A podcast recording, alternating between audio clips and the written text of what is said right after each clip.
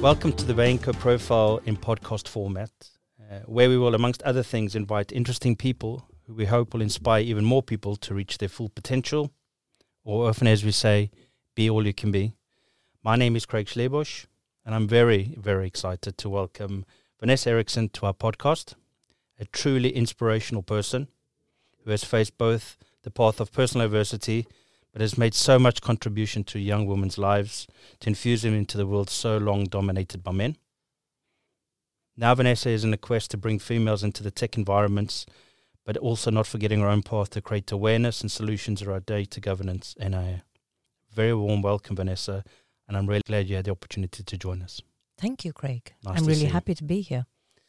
So nice, easy, friendly questions to get off the ground. Yes. Briefly, tell us who is Vanessa Eriksson? Ah, You know, I wouldn't know where to start. Who is Vanessa Eriksson? I'd like to think that I'm, um, first and foremost, um, I'm a mum. You know, to three brilliant girls. I'm a wife. I am a daughter. Uh, and then, yeah, somewhere in all that, um, I am also a leader uh, in the data space uh, and also today AI. So many hats, many roles to play, isn't it? Very complicated ones Yes. as well. Being, being the mom, being the main one, right? yes. And how would you describe yourself in three words? Um, I'm energetic, enthusiastic, and empowering. Great, nice, strong words. So, what do you do when you're not working? How do you kind of find your balance? Um, I love to paint. Um, you know, it. I'm I'm kind of useless at it. I'm never going to show those paintings to anybody, but um, I love to paint. Uh, I, I love to just stand in front of a canvas and uh, you know with all my colors and see what comes out. So um, that really helps me. A- And of course, uh, I haven't said, but there has to be a glass of kind of a, you know uh, a white wine or something at the side to also it helps with the inspiration bit I bet, I bet. um, and and also um, well not really as my pastime or anything. I am a very spiritual person. So when i find time i like to take a coffee and talk to the guy above because uh, that is a truly humbling effect uh, on me Lovely. And um, the, the, the, the painting that you do, so you got an art studio. Do you sell any of your paintings perhaps? Do you know what, Craig? Now that I'm moving back to Stockholm, I have actually, the husband has built an Attefallshus. What do you call that in English? A A, studio? sh- a shed. A shed. A yes. We're calling it a studio, by the way, not a shed. uh, where I will, um, I will have all my canvases and my uh, my drawing stuff. So I'm looking forward to. It almost feels like I'm retiring, isn't it? Uh, well, absolutely. And if you think you're putting it on the market, call me first. I'd love to buy some of your artwork. Thank the famous er- Vanessa Eriksson. Um, your career. Let's talk about that a little bit. I, I'm fascinated about your journey. If we talk about, uh, if we rewind all the way back to the beginning, but um, talk me through to to where you are today in terms of your career. Um, so I recently um, left Zenseact. Uh, Zenseact makes software for self-driving cars uh, for Polestar and Volvo cars. Um, I was chief digital officer responsible for data, cybersecurity, and IT. Uh, and I left them to start my own. Um, and reasons are also which I can I can share with you is um, I lost my youngest brother, um, and that kind of put me in a bit of a space where I needed time for myself. So while everybody thought Vanessa's leaving because she's got this fantastic job, um, I hate to be disappointing everybody. There was no job. I just needed some time for myself. Um, and to be with my my family and my mum, especially in in India. Um, so I've started my own because I think that I have a lot of experience, especially being chief data officer, one of the first ones in Sweden. Um, I have a lot of experience to share. Um, you know, to help organizations, especially. I think. Um, sorry, I'm I'm going into another track, but That's okay. since since most companies want to be data driven Mhm. um, and i think you have a few data leaders in every organization that evangelize but yet um, most of the organization, I, I sadly don't get it. Um, and I think that I have a lot of experience to help leaders like that in that journey communicating because having been, uh, you know, chief data officer at Telia, chief data officer at Nets, uh, FinTech, um, at PwC, helping other chief data officers, I believe I have um, the knowledge and the vocabulary it needs. You need to be talking Mhm. to leaders in getting them on the same page as you and your organizations to drive it. But is there, mm, you know, in terms of, is there more of awareness or is there just a bit of ignorance? No, I, I think there's an awareness, but um, let's look at today. Um, with the whole chat GPT, Mhm. AI Correct. has suddenly come to the forefront. And everybody wants to be in that space. Mm. That's the fun space, that's the innovation that's happening.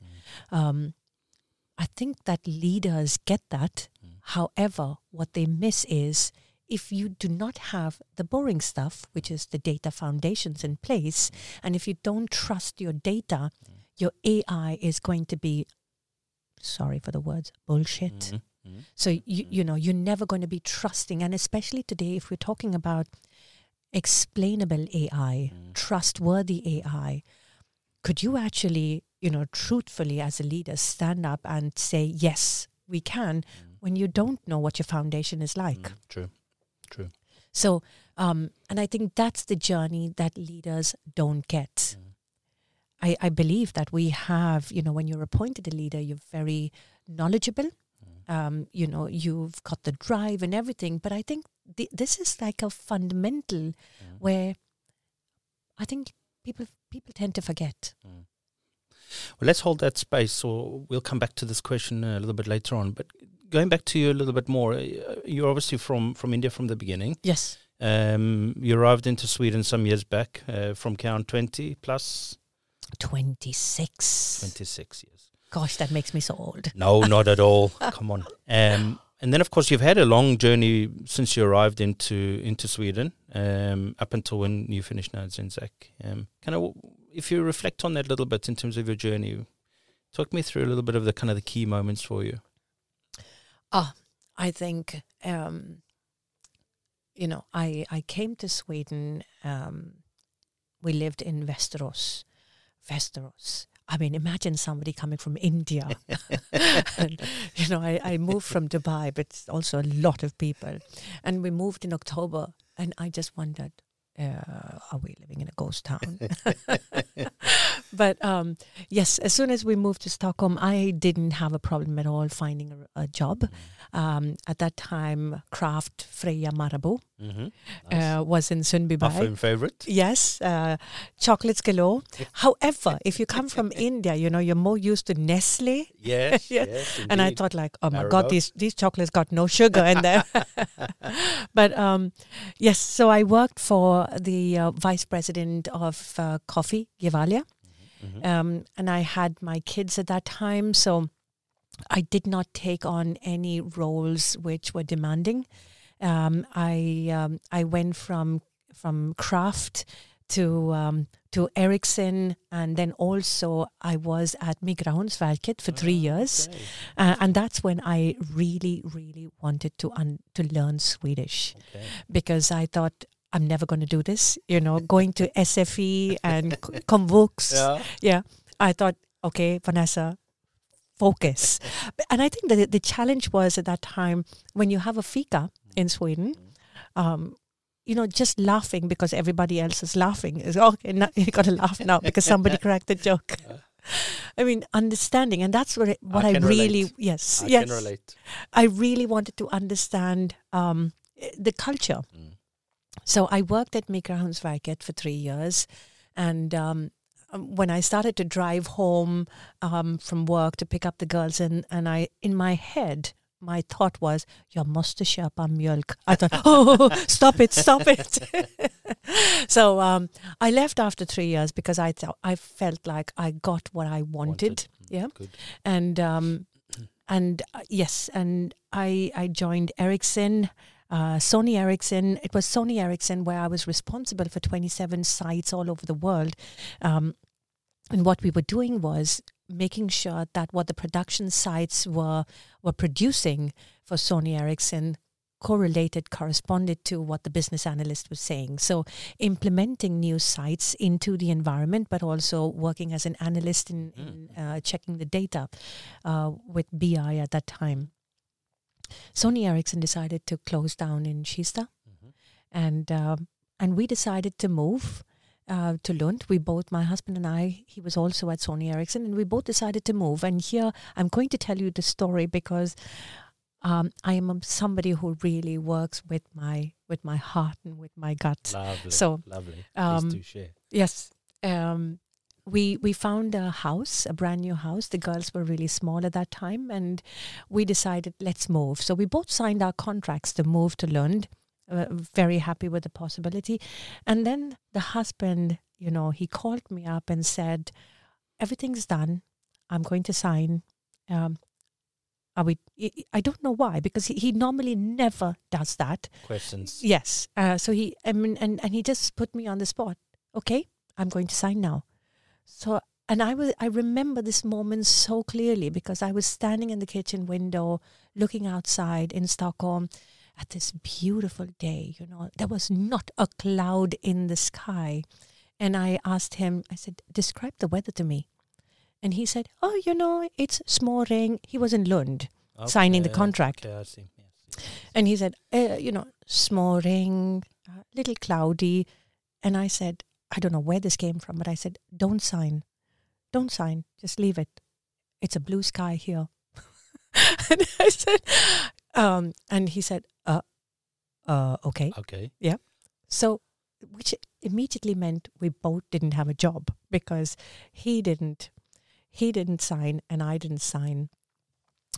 Um, and I, when he came back, I said, you know, because the full impact of what I just Done. Yes, Yes. of course. we we got three daughters, we have a house, we have two cars, and we, you know, both of us don't have a job. And I said, you know what, it's fine. Um, it's fine. It's the holidays coming up. The girls were in daycare, and I said, let's close up. Let's okay. close up. Yes, and just go to India and stay with my family. Um, so we did that, and before boarding that flight, I had signed. I was headhunted to Telia, and I signed that Oh, first contract. God is great, Great. isn't it? there you go. Everything happens for a reason, right? everything happens for a reason so it's sometimes so i i am that kind of person we just go with it because if it feels right if it doesn't feel right don't go so um You'll end up at Telia. i ended up at telia and um i stayed there for eight years i started as project manager Mhm. Um, uh, project manager, I was brought in for uh, procurement to do their whole master data, and I ended as chief data officer. I think Telia, till today, I believe that they are a fantastic company. Awesome. awesome. Uh, I think especially if you're burning for a challenge, um, they will give you a challenge. And um, I, I've worked with the likes of Christian Luiga, uh, chief financial officer at that time. Today he is at Saab Mhm. in Linköping. Uh, Erik Hallberg um, for Eurasia. Mhm. Um, you know, I've had fantastic leaders with me who have just kind of given me the empowering uh, empowerment I needed to proceed. So, super grateful. Um, that's when I also got recognized by Gartner Mhm. um, because Gartner called me up and uh, they wanted, of course, to help us in our data governance because that time data governance was really brand new Yeah. and uh, nobody understood, and, and neither did I. I had played in a company that doesn't exist today. Um, help me, yes. Um, and Gartner, I remember this conversation because I said, "Well, you know, I got 26 projects with data governance, and I just love it, but I know it's not sustainable. So, you know." And she said, "Can you come to London and speak?" Wow. Okay. So that was my first, First. big break, big break. Um, going to London, speaking in front of 500 people at the Gartner Summit. Uh, so um, that's where it really took off, and I was on the advisory board for many years after that, helping Debra Logan. She's retired today, uh, but helping her with understanding. So, what should a chief data officer do versus the chief technical officer? two or different roles. Yeah. Yes. Absolutely. um, so I was very instrumental in helping Gartner and her in that entire journey of so who is the chief data officer? What is their responsibility? Yes. Super. But now, Then I left. then you left. Yes. I, I left while I was really on the top. Um, and I think the reason I left is because I like a challenge. And then I felt after eight years, you kind of know everybody. Mm. And the ch- there's no more of a challenge in, you know, what you want to do or what you want to achieve for yourself. And I thought then it was time to move. So I joined PwC, but um, quite quickly I realized that that wasn't really The for me. consulting side, yes. Um, and I think here is also something that I would advise all your li- all your listeners is if you feel that it's not it's not for you, jump out. You know, nobody's going to think less of you, and if they think True. less of you, it's on them. Yeah. True. True. So, um, um, yes, I I left PwC and I got headhunted to Nets, uh, the fintech industry. Really cool. Um, you know, and I and I've been a lot in these green greenfield um, roles where you you know s- set up everything right from the start. It doesn't exist, um, and it that, that doesn't mean that they they didn't have data. You know, peop, data-minded people or d- people working with effectively with data. But I think when you bring a chief data officer in or that role, you're trying to collect what what is happening in the organization, build, bring it together, and create the function. So. Um, Nets was doing some fantastic stuff, especially on the merchant side, and I had some fantastic uh, leaders in my team. Um, yeah. Um, what we were trying to do was create as a bundle towards the merchants Okay. uh, an offering you know giving them insights on their own data you know what does the data tell you um, really cool and also um, you know providing the danish bank uh, national bank and the norwegian banks with data in saying so if you're looking at 10 year old data how did any economic reforms introduced in the country how did that change the spending pattern Very interesting. very interesting. Uh, so yes, I've had really cool jobs. It tells, right? um, and and then I decided to um, to leave Nets. My youngest brother had a heart attack at that time, Okay. and uh, I just thought it was. I needed. I just felt like I drop everything and just go be with him and my mum in India. So that's what I did. Um, and then COVID happened. Uh, so um, I'm glad I, I I'm glad I went to be with him uh, because mum was alone with him and he needed to be moved from hospital. My brother had a brain tumor, so Okay. um, and then I got headhunted to Zenseact, you know, the cool company, and also moving to Gothenburg during the pandemic. um, East Coast to West Coast. Yes, um, my husband is an ex Chalmers, and I think um, uh, I think it was more him that said, "Oh, wifey, you got to take this." so, and I don't regret one bit. Uh, you know, Gothenburg, the West Coast, lobsters and champagne. Every, listener, you know, if you want to come to Gothenburg, it's the place to be. Um, really, a fantastic journey with Zenseact. You know, when you're building. Um, you're, you're building software for self-driving cars. I think the whole what I what I was truly inspired was the mission because Zenseact mission is to save lives with their software. And who doesn't want to wake up to a mission like that every morning? That's what gets you out of bed. So um, I'm really grateful for the opportunity. Um, I left uh, because my the brother who had a heart attack he died, and uh, I needed some time for myself and to just. Um, I think I didn't know what hit me, hmm and I um, the last few months were a, a real struggle. In all honesty, because I um, I I think I have a new um, a new understanding for people with depression hmm because life still goes on. Life still goes on, and you're posting and you're happy and everything, or that's the world sees you. but somewhere inside, it's complete turmoil of how do I do the balancing act?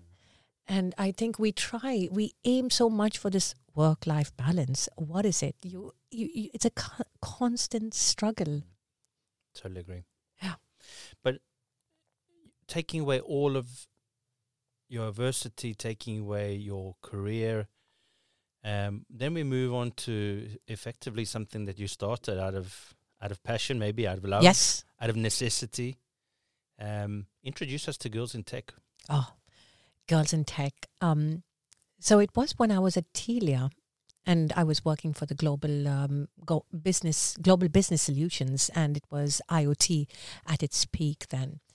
Um, you know, it's the time where every company wanted to be the leaders in the connected space, not knowing really what they wanted to do, but just the leaders. And that's where I was working with uh, Global Business Solutions at Telia to understand what we could be doing. And it was so fantastic because we were looking at Södra Skogsägarna to see, you know, could we put drones in the forest? Um, we were looking at um, uh, the elevators. Could we put sensors in the elevators to say how many people should be there or should be not? So, yes, we've all done this journey. Uh, this is like 10 years or more uh, ago. But it was at this time where I would come home and I was truly, I mean, you hear it in my voice. I'm still passionate. I'm still excited about the things we were doing. I would come home and, and dinner time would always be sharing my stories with my three daughters. Um, and I, I saw that, I noticed that they were really engrossed in my storytelling. so I thought, uh, you know, what if I took my talk, my little talk here, more than you know outside this house? And um, and Telia was also working with connected car, um, and so I I decided to do that. I talked to some of my colleagues at Telia and said, let's put this together. So we had Telia's connected car. Um, we got 15 girls, one five, Okay. um, and we we said, you know, come to the office, uh, girls in tech, um, and of course, you know, I made my daughters go to their schools, bug their teachers, bug the principal, you know, send the girls from classes seven, eight, nine, and I targeted specifically that because my girls were also in the same ages, and I thought. We need to be talking about so what line do you want to take uh, in college, uh, point. Yeah. and I wanted them to focus on, you know, be inspired because we had the the, the struggle of maths is difficult. Mm. So be inspired. It doesn't have to be about maths, and if you find fun in it, it will not be such a challenge.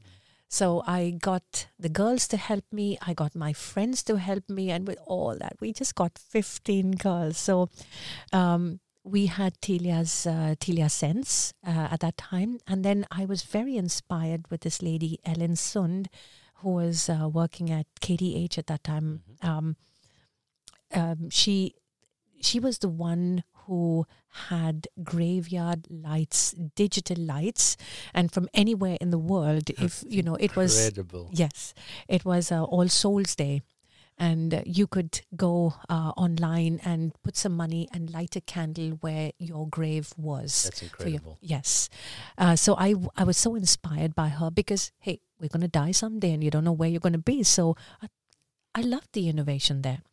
Um, so we had her also come and speak to the girls. And that's where the first, you know, Girls in Tech started Mhm. um, it went on from there. Uh, the year later, when I joined PwC, even though I stayed for only a year, one of the biggest um, one of the biggest things that happened was I got Ulrika Andersson. Um, she was a partner at the, at PwC. She got she joined me Okay. um, in this journey, uh, Girls in Tech. So um, she was my co-founder Mhm. and we took it from there and we made it a company a non-profit organization last year Okay. complete with a board and um, and not only just sweden then now we've taken it to the nordics Mhm. um, and i think the awesome part of having worked with so many companies it's you know what you take is the relationships that you build with people Mhm. because girls in tech is completely built on the relationships and people that feel like they also want to give back to society. So um, it came from a good place because i just felt i had so much you know my life turned out to be so much more than i ever imagined and i wanted to give back. So it came from that good place um, but also creating a space for girls to understand classes 7 8 9 that um, it can be fun um, it's and today technology is everywhere. Um, w- uh, something that I usually talk to about the girls you know not long ago you had this um, uh, a top model Bella Hadid. Mhm. she was on the on the walkway on the runway and they spray painted a dress on her. Mhm. and i think every girl saw that happen. And so i usually start with by the way did all of you see bella hadid and that dress and who saw it and all the hands go, Go up. up. and i said Mhm. you know that is not fashion right that is technology they spray painted a dress on her do you think that's fashion huh no it's technology Interesting. so it doesn't matter what you do. Mm. You you know, ICA is doing food from technology, right? Forest, I mean, beetles, um, candy bars and stuff. It's technology, so it doesn't matter. You know, you don't have to be like your parents because I've heard that we don't want to be just with a computer. You don't have to be like your parents. Do what you want, but technology is everywhere. So Absolutely. be the leader in that. We were recently interviewed by Dagens Nyheter Mhm. uh, because they had a campaign on Generations Framtid, Mhm. and I, I think it was uh, it was very nice that we got recognized for our work and invited to also be part of that campaign, um, where we talked about you know the importance to have of having diversity in the tech workspace. Um, Ulrika and I have been the alone lady um, at quite a few meetings, right? Um, it's wonderful if you have more diversity. Um, and it's not just about having more women. Mm. Today, it's inclusion, diversity, and inclusion. So it's on a broader scale. You need to have more people from diverse backgrounds. Um, but yeah, I, I think that we, I mean, the movement is definitely on. Mhm. Um, but today, you know, what, what I'm looking at is companies are, there's a lot of companies that want to make, to be in the space, cre- making the difference. What we're still struggling is getting the girls. Mhm. So we have a new strategy now. We go to the schools and we align with the principals in helping get the girls with us. But that is not enough because you still hear the girls say maths is difficult. And I think that this is such an age old problem. Mm. I mean, you know, it can't be right. So something is not right. Um, and that's where Ulrika and I are looking at so, can we get the politicians to work with us on this? Mhm. Because it's, I I think the two of us, excuse me, we, we are not able to make this difference. And the schools do not have the mandate to make that difference. mm, Yes. see that. So we're looking at the politicians today to say, help us, because we're never going to get the the, the diversity we're looking for. Um, research shows that from class five or grade five, that the girls lose interest in maths, Mhm. and that declines progressively, in at classes seven and eight. You know, so that's we we clearly That's the see target frame. yes. And uh, I mean, how, what's the view from the school's perspective? I mean, I guess they're not they're not skilled enough to take that on as a No. topic. No, exactly. And they need help. Yeah. So, um, because they also need to be, they want to be educated in the newer, Yeah. me- you know, what we hear is the girls come to our events where we inspire, we aim to inspire. Um, the girls come to our events and say, it's so much fun here. It's no fun in school. Yeah, I can understand. So, the teachers want to change that, but then it's you know the budgets are cut. So how can we help the teachers so that they can make it also fun for the girls, um, for their students? And what what is the future now for Girls in Tech? I mean, from today forward, what what is the plan? Oh, we have a lot. So we are also just now we're trying to do a kind of um, a, a POC, if you call Okay, it, uh, with three schools to actually monitor. Uh, uh, and and in uh, in in the Nordics, to try and see so how many actually go, uh, how many actually Mhm. pick uh, maths and technology uh, f- after they leave school. So that that is one thing. We also see that we're trying to target now the next level, which is gymnasiet, because you have a lot of girls that get there, uh, you know, taking another line and then saying, "Oh, maybe I made a mistake. I would Mm. like to try out the technology, or we'd like to try on the the the science." So we're also looking at that line to say, um, uh, you know, wanting to help them to say it's not too late. You can still change if you want to. So we're we're we're moving on in that journey, but at the same time, we also want to get the attention of the politicians. Okay, so it's a big agenda, A bigger, a lot of work, um, A new- a a, new- mountain to climb. yes. Our new theme is to make Nordics the leader in diversity. Awesome, and um, give us a little bit of an agenda schedule, you know, events and things like that if people want to partake. So you know what I'm doing directly after this podcast. Uh, today is Girls in Tech in Gothenburg. Awesome. uh, and it's uh, AI's at AI Sweden offices. Mhm. Um, uh, we have Zenseact, Polestar, um, it's uh, AI Sweden, um, and Ericsson, of course, um, that are there sharing their innovation, inspiring the girls. So, um, And how, how many girls are involved in Girls in Tech so far? So today we have only 50 Mm. because Only, it's still a lot of numbers. Yeah, but but it, uh, there's a lot more that want to come. Uh, but um, and th- these are coming directly from the school, so that it's the principals that are responsible for sending the girls. Um, we have to restrict the number to 50 because of space and uh, because of safety, uh, security of the girls. Okay. And I mean, this is such a great initiative.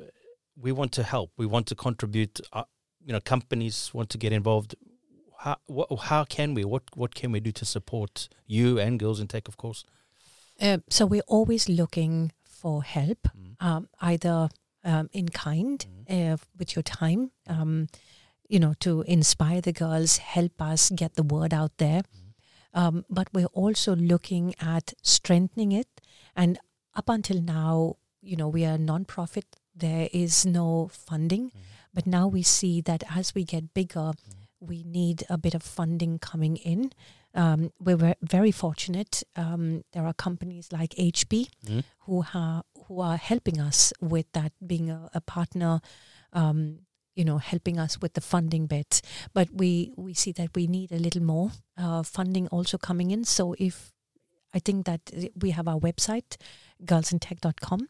Um, you can either reach out to to us from there.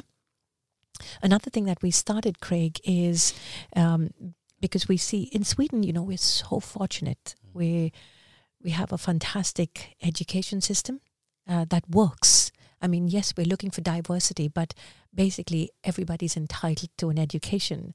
Um, as an Indian, um, I've come across um, girls that are or kids, orphans, that um, it's not always always a given that you will get an education.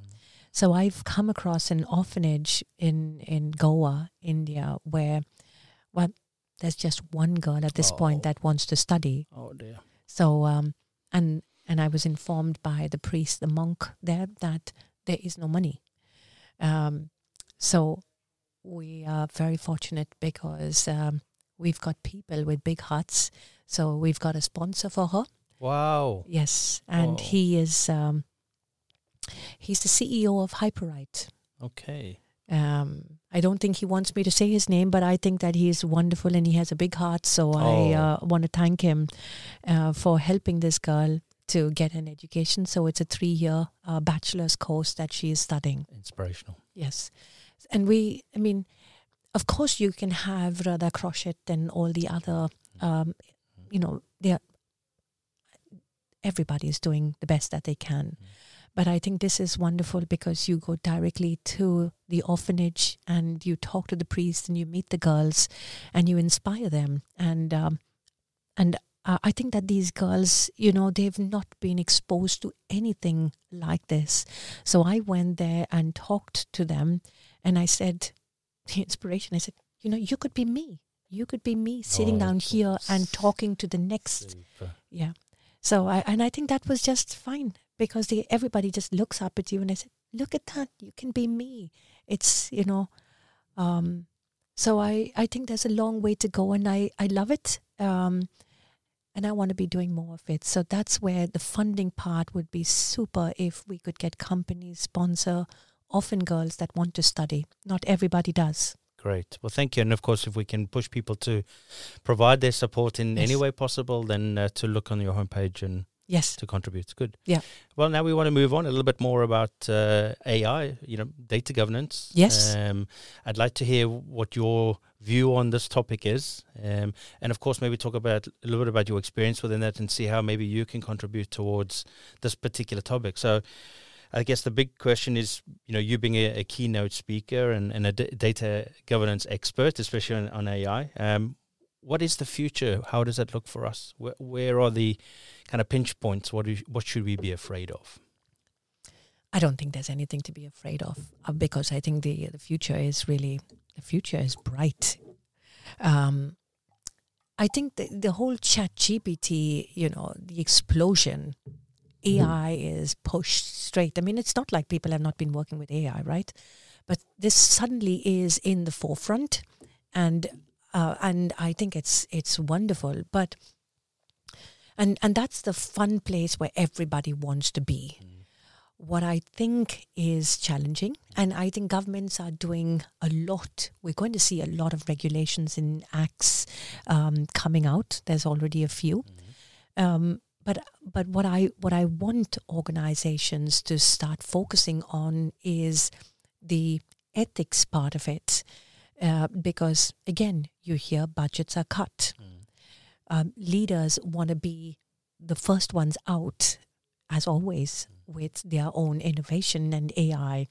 And in that journey, in that haste, I think we're going to be missing. There's a risk that we miss miss the, uh, you know, did we check for biases in our data? Can we explain uh, why AI made this decision? um, you know, using AI responsibly is, I think that is going to be the challenge. Uh, and it's not like we have bad people. I believe, I believe in the goodness of people. It's just that that we are so excited and eager to get out there and be the first ones is where there's a risk for this, and it's just to be mindful of it and work with it. So I think AI governance is key. Um, so I, I think that I want leaders today to be mindful uh, about the working ethically with AI. Keep, you know, work together with the legal teams, um, with the compliance teams, um, create an AI ethics board. And I think here, um, this is a low hanging fruit um, because, you know, if you don't know what biases exist. It's kind of hard one to say, uh, do we have any biases? So this is where you can involve the organization. So creating an AI ethics board is a low hanging fruit um, because you don't really know if you have biases in your data. Um, what I suggest is, I recommend uh, organizations is to create AI ethics board with people from the organization that are working with AI or working with the data. And you, they don't really have to come from any one specific area. Pull, pull them from the rest of the organization. Um, and this can be um, an ethics board. You know, this board doesn't have to really report to your company board. This can be a board reporting to another level in the executive committee um, that feeds information to them that can then uh, take it further to the, the company board. Mm. Um, I think this is this is something that would really um, help the organization, the leaders, the leadership, uh, to also get more eyes in the company. Um, yes, and, and and I think also you need to have data governance in place because you know working with data quality Mm. would help you in saying yes, I really trust my data. Um, and then the the AI, there is no question. Uh, of course, we trust it.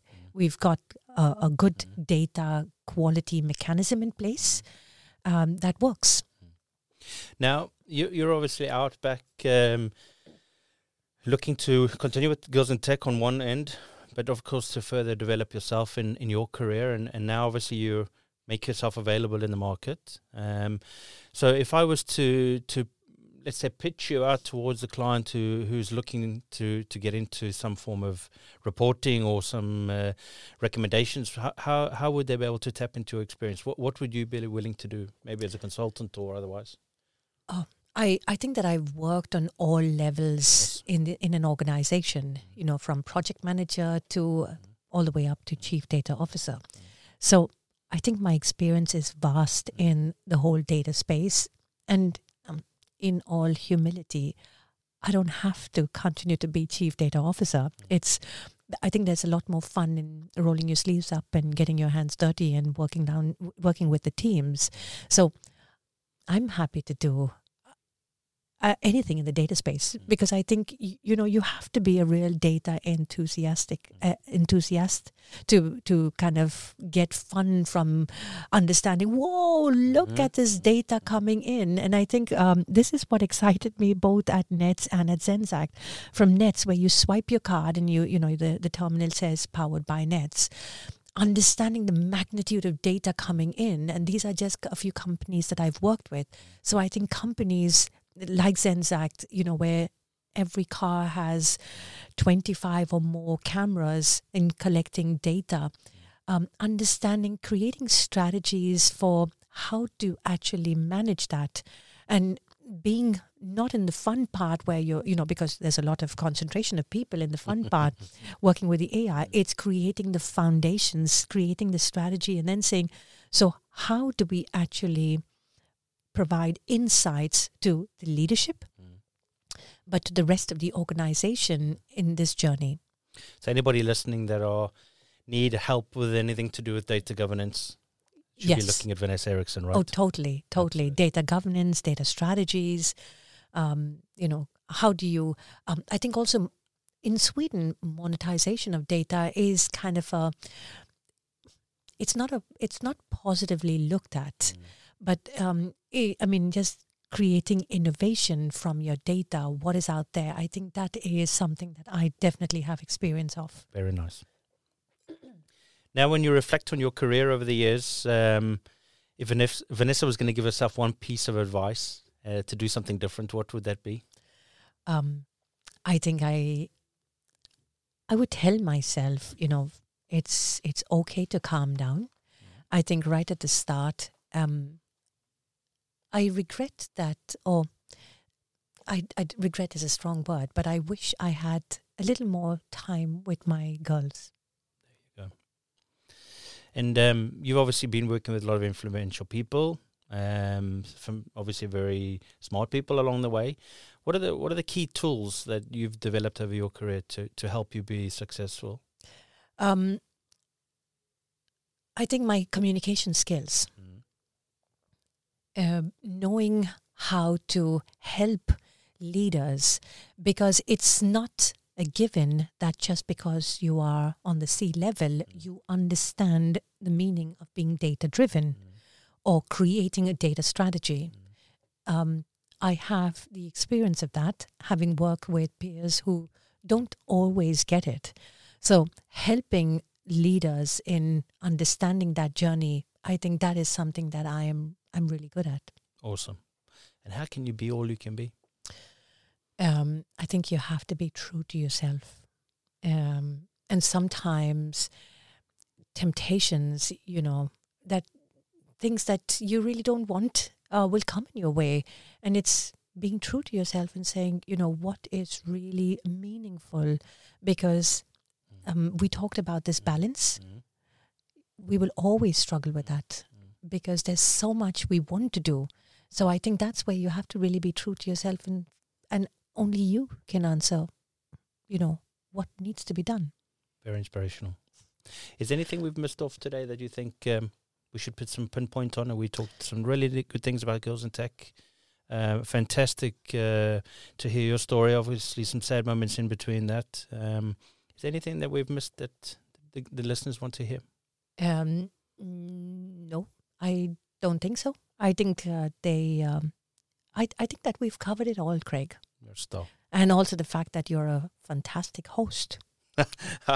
I like to believe that's true. yes, of course so it much. is. Absolutely.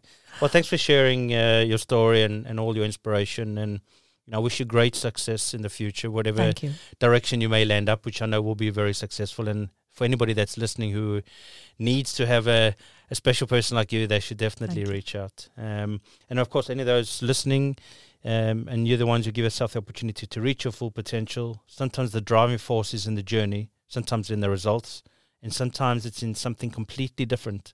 But never give up because you can do what you think, and we are here to inspire you and support you along the way to create your future, to reach your full potential, and to be all you can be.